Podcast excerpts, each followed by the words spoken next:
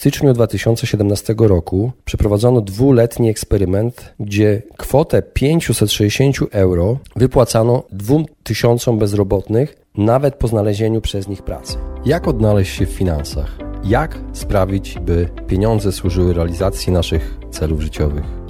Na te oraz inne pytania odpowiadają goście podcastu Po ludzko o pieniądzach, którego partnerem jest General Investments TFISA i który mam zaszczyt prowadzić. Nazywam się Radosław Budnicki, na co dzień prowadzę podcast Lepiej Teraz i nie jestem internetowym guru zarabiania.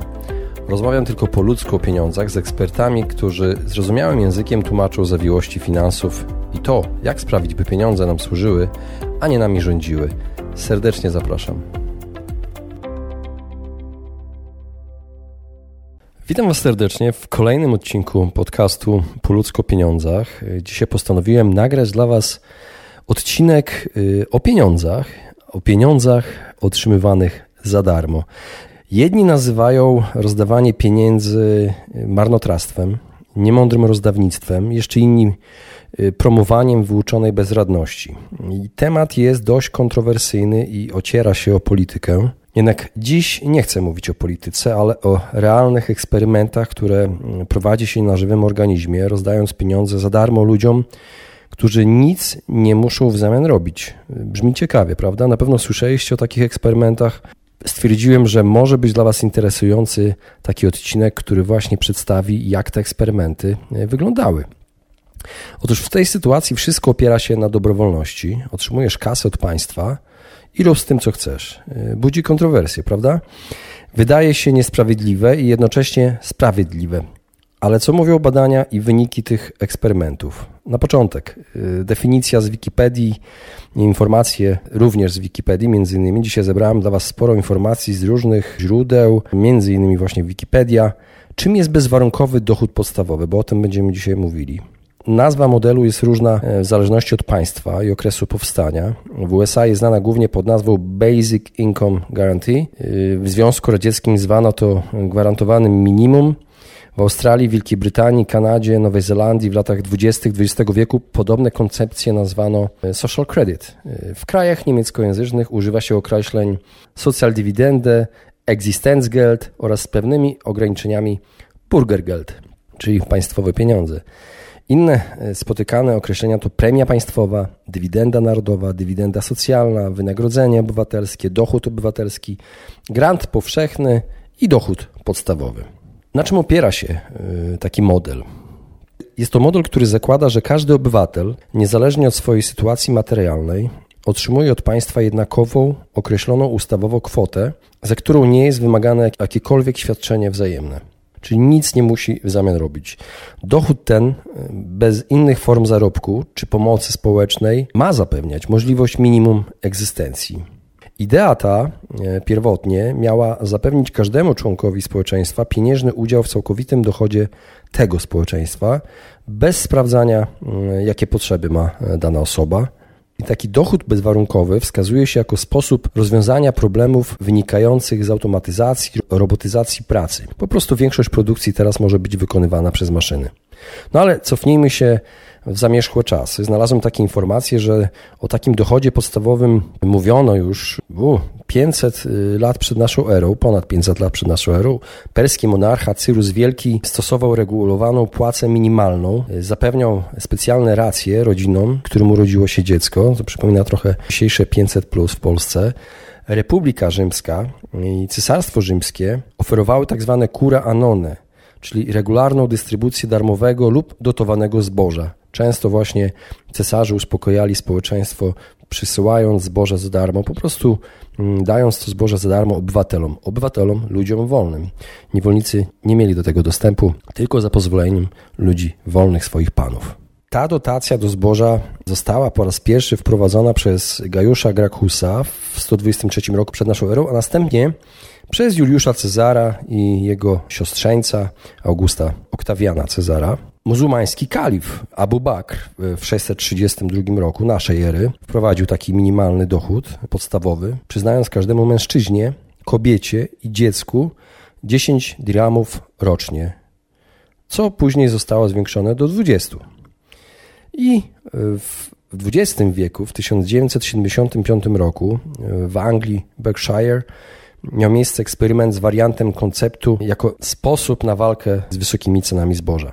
Taki pomysł został też podjęty i prawie udało się go zrealizować przez prezydenta Richarda Nixona w 1969.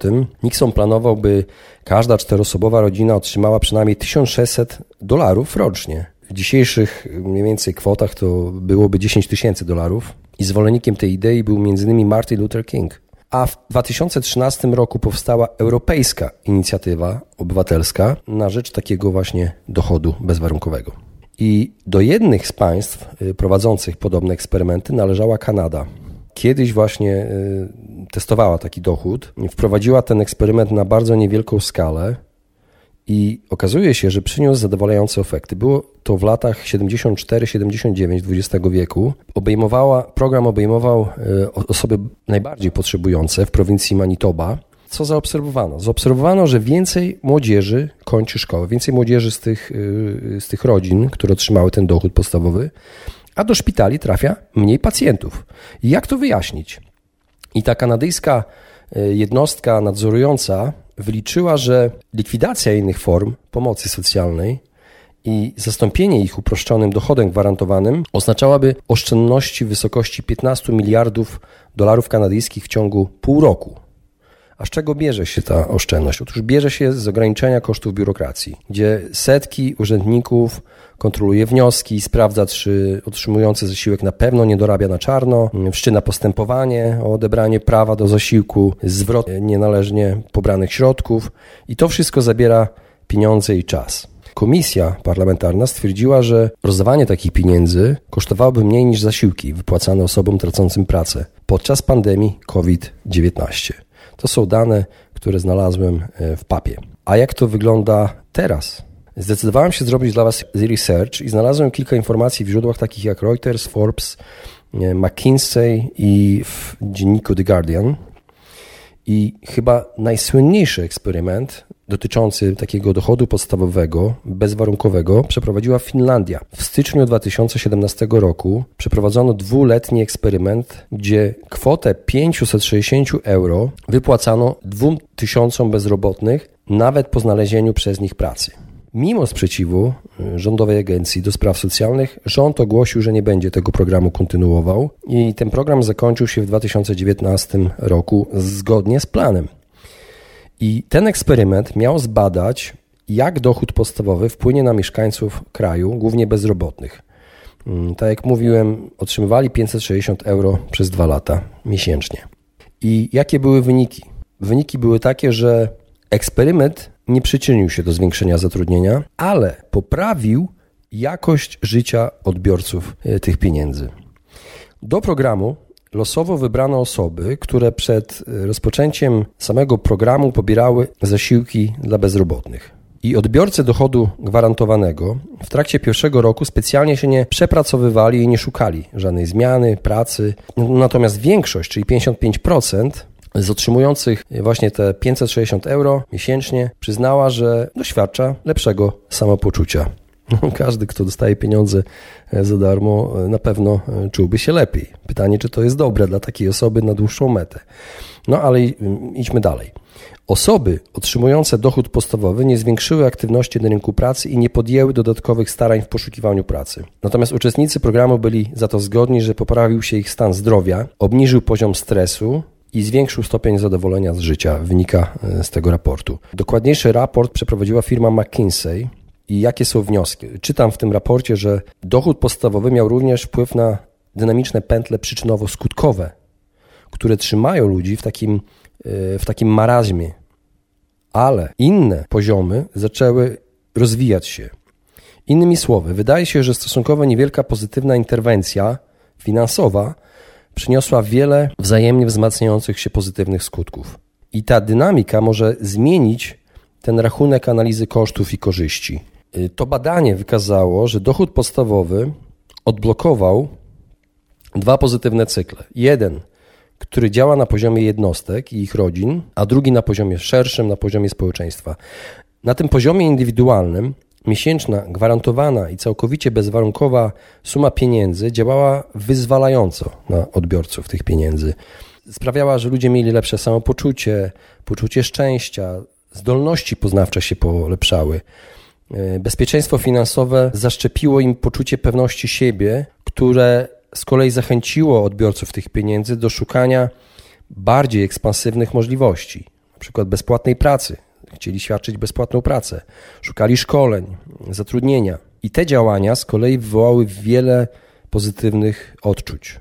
Zaufanie tych y, osób, które otrzymały pieniądze, do własnych umiejętności zwiększyło się zwiększyło się ich pozytywne nastawienie, które zaczęło działać jak spełniające się proroctwo. Badanie wykazało, że ludzie doświadczający niedostatku i niepewności finansowej zwykle cierpią z powodu ograniczonej przepustowości, skróconych horyzontów czasowych oraz poczucia bycia niewystarczalnym, nieadekwatnym, bezradnym. Zwiększyło się zaufanie do instytucji. Naukowcy szukali tych e, determinantów dobrobytu, dobrobytu gospodarczego, i wszędzie pojawiało się to zwiększone zaufanie, potrzeba zaufania jako kluczowa zmienna. No i okazuje się, że rzeczywiście Finlandia jest e, dobrym przykładem. Plasuje się na szczycie globalnych miar szczęścia, a także może pochwalić się drugą najwyższą ceną zaufania e, do innych ludzi zaraz po Norwegii. Niektórzy ludzie z tego eksperymentu twierdzili, że ten dochód podstawowy pozwoli im wrócić do życia, które prowadzili zanim zostali bezrobotnymi podczas gdy inni mówili, że daje im to możliwość odmowy nisko płatnej, niepewnej pracy, zwiększa ich poczucie autonomii. Program dał także niektórym uczestnikom możliwość innych eksperymentów, eksperymentów związanych z próbą spełnienia swoich marzeń, na które wcześniej, na których, na których zdobycie wcześniej nie byli w stanie się zmobilizować, nie wierzyli siebie.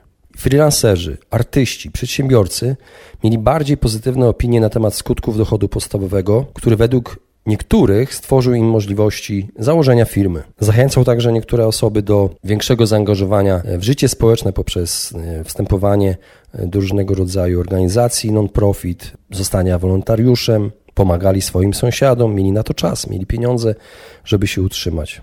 Ten dochód pozwolił im robić bardziej znaczące rzeczy, że robią coś pożytecznego. I wiele osób, co się okazuje, które wykonywało te rzeczy charytatywnie, pomoc sąsiadom na przykład, po dwóch latach zaczęło nazywać to pracą, mimo że te rzeczy wykonywało nieodpłatnie, ponieważ dochód był bezwarunkowo i tak, czy by to robili, czy tego by nie robili, otrzymywaliby te pieniądze. Mimo to wykonywali to y, dobrowolnie i zaczęli to nazywać pracą. A jak y, zareagowały inne państwa? Jak donosi Reuters i czytam w magazynie Forbes, Niemiecki Instytut Badań Gospodarczych i Stowarzyszenie Mój Dochód Podstawowy chcą przeprowadzić taki eksperyment mm, obejmujący wypłatę nieopodatkowanego dochodu podstawowego w wysokości 1200 euro miesięcznie. No, moi drodzy, stawka idzie w górę w bogatych krajach. W projekcie ma wziąć udział 1,5 tysiąca osób, spośród których 120 przez 3 lata będzie otrzymywać wspomnianą kwotę. Pozostałe osoby będą grupą odniesienia. I Deutsche Welle informuje, że naukowcy i aktywiści wyznaczyli pięć obszarów badawczych na potrzeby eksperymentu. Jest to zdrowie, podział w społeczeństwie, demokracja, klimat, cyfryzacja i praca. I dwa miliony osób, no nie dziwne, ale w sumie się dziwię, że tylko dwa miliony osób złożyło w 2020 roku wnioski o udział w tym programie. Będzie to no niebagatelne 5353 zł. No ciekawe, jak, jak ten program, jakie wnioski przyniesie. Z kolei w Szwajcarii zebrane zostało ponad 100 tysięcy podpisów pod wnioskiem o przeprowadzenie e, referendum w sprawie takiego e, dochodu. Szwajcarzy odrzucili stosunkiem 77 do 23% e, ten wniosek. Jak widać, nie podoba im się idea rozdawania pieniędzy bezwarunkowo, za darmo. Rząd Włoch zapowiedział wprowadzenie takiego minimalnego dochodu, ale tutaj ten dochód we Włoszech już wiąże się z pewnymi warunkami. Warunki, warunki takie jak posyłanie dzieci do szkoły, zobowiązanie się do niepicia alkoholu i niewydawania pieniędzy na gry hazardowe. No to ma sens, to ma sens. Takie jest moje zdanie. Jeżeli mogę y, posilić się o jakieś, jakąś opinię, to tutaj wydaje mi się, że to jest dość rozsądne. Ale pytanie, czy to nie jest, nie nie jest, dochód bezwarunkowy. No, moi drodzy, zbliżając się do końca, powoli Europa przygotowuje się do nowej, pokowidowej rzeczywistości, także na rynku pracy. Niektóre państwa myślą też o skróceniu dnia pracy. Ma być lżej, praca ma być lżejsza, czyli wiele programów bezwarunkowy dochód, skrócanie dnia pracy do 6 godzin na przykład. Są takie eksperymenty w Szwecji były prowadzone, w Finlandii jest propozycja, żeby wprowadzić 6-godzinny dzień pracy właśnie w nie 4-godzinny tydzień pracy jak u Tima ale 6-godzinny dzień pracy. W Niemczech też chcą iść w podobnym kierunku, proponują jednak 4-dniowy tydzień pracy. Także od połowy 2020 roku w Hiszpanii działa program e, minimalnego dochodu życiowego. Około miliona gospodarstw domowych dostaje pomiędzy 2065 zł a 4,5 tysiąca złotych. Program kosztuje państwo około 13,5 miliarda złotych. Warunkiem udziału w programie jest posiadanie jednoosobowego gospodarstwa domowego, którego dochód w 2019 roku nie przekroczył 24 730 zł lub w przypadku rodziny 54 459 zł. Oraz takim warunkiem jest też, że ta osoba straciła pracę w czasie pandemii COVID-19. No ale są argumenty przeciw e, zasadności wprowadzenia takiego dochodu bezwarunkowego jest po prostu brak negatywnego wpływu automatyzacji produkcji na bezrobocie. Nie ma tutaj wpływu według niektórych osób. Znikanie miejsc pracy w zawodach ulegających automatyzacji jest powiązane z powstawaniem nowych zawodów, często przyjemniejszych. No na przykład zawód dekoratora wnętrz, luksusowe różnego rodzaju usługi, kelnerzy, y, prywatni nauczyciele. To powoduje wzrost zamożności społeczeństwa, który jest wynikiem obniżenia kosztów produkcji wynikającym z automatyzacji. No i moi drodzy, jest to dość kontrowersyjny pomysł, rozdawanie pieniędzy za darmo. Zastanawiam się, co wy myślicie o tak y, kontrowersyjnych eksperymentach z rozdawnictwem. Rozdawnictwo już brzmi pejoratywnie, ale generalnie z rozdawaniem pieniędzy przez państwo dla, dla osób, które według nich nie, nie, nie są w stanie same zarobić takich pieniędzy. Czy uważacie, że to dobry pomysł? Czy nie przyczyni się do niczego dobrego z kolei? Piszcie w komentarzach do tego odcinka podcastu na fanpage'u Po ludzko o pieniądzach na Facebooku. Mam nadzieję, że sprowokuje dość interesującą dyskusję. A ja już się z Wami żegnam. Dziękuję Wam bardzo za wysłuchanie tego odcinka i do usłyszenia za tydzień. Właśnie wysłuchaliście podcastu Po ludzku o pieniądzach. Mam nadzieję, że Wam się podobało. Jeśli tak, poświęćcie swój czas, proszę pozostawić swoją recenzję na Apple Podcast. Jeżeli macie pytania lub propozycje dotyczące kolejnych audycji, piszcie do mnie na fanpage'u Po ludzku o pieniądzach i do usłyszenia następnym razem. Pozdrawiam serdecznie.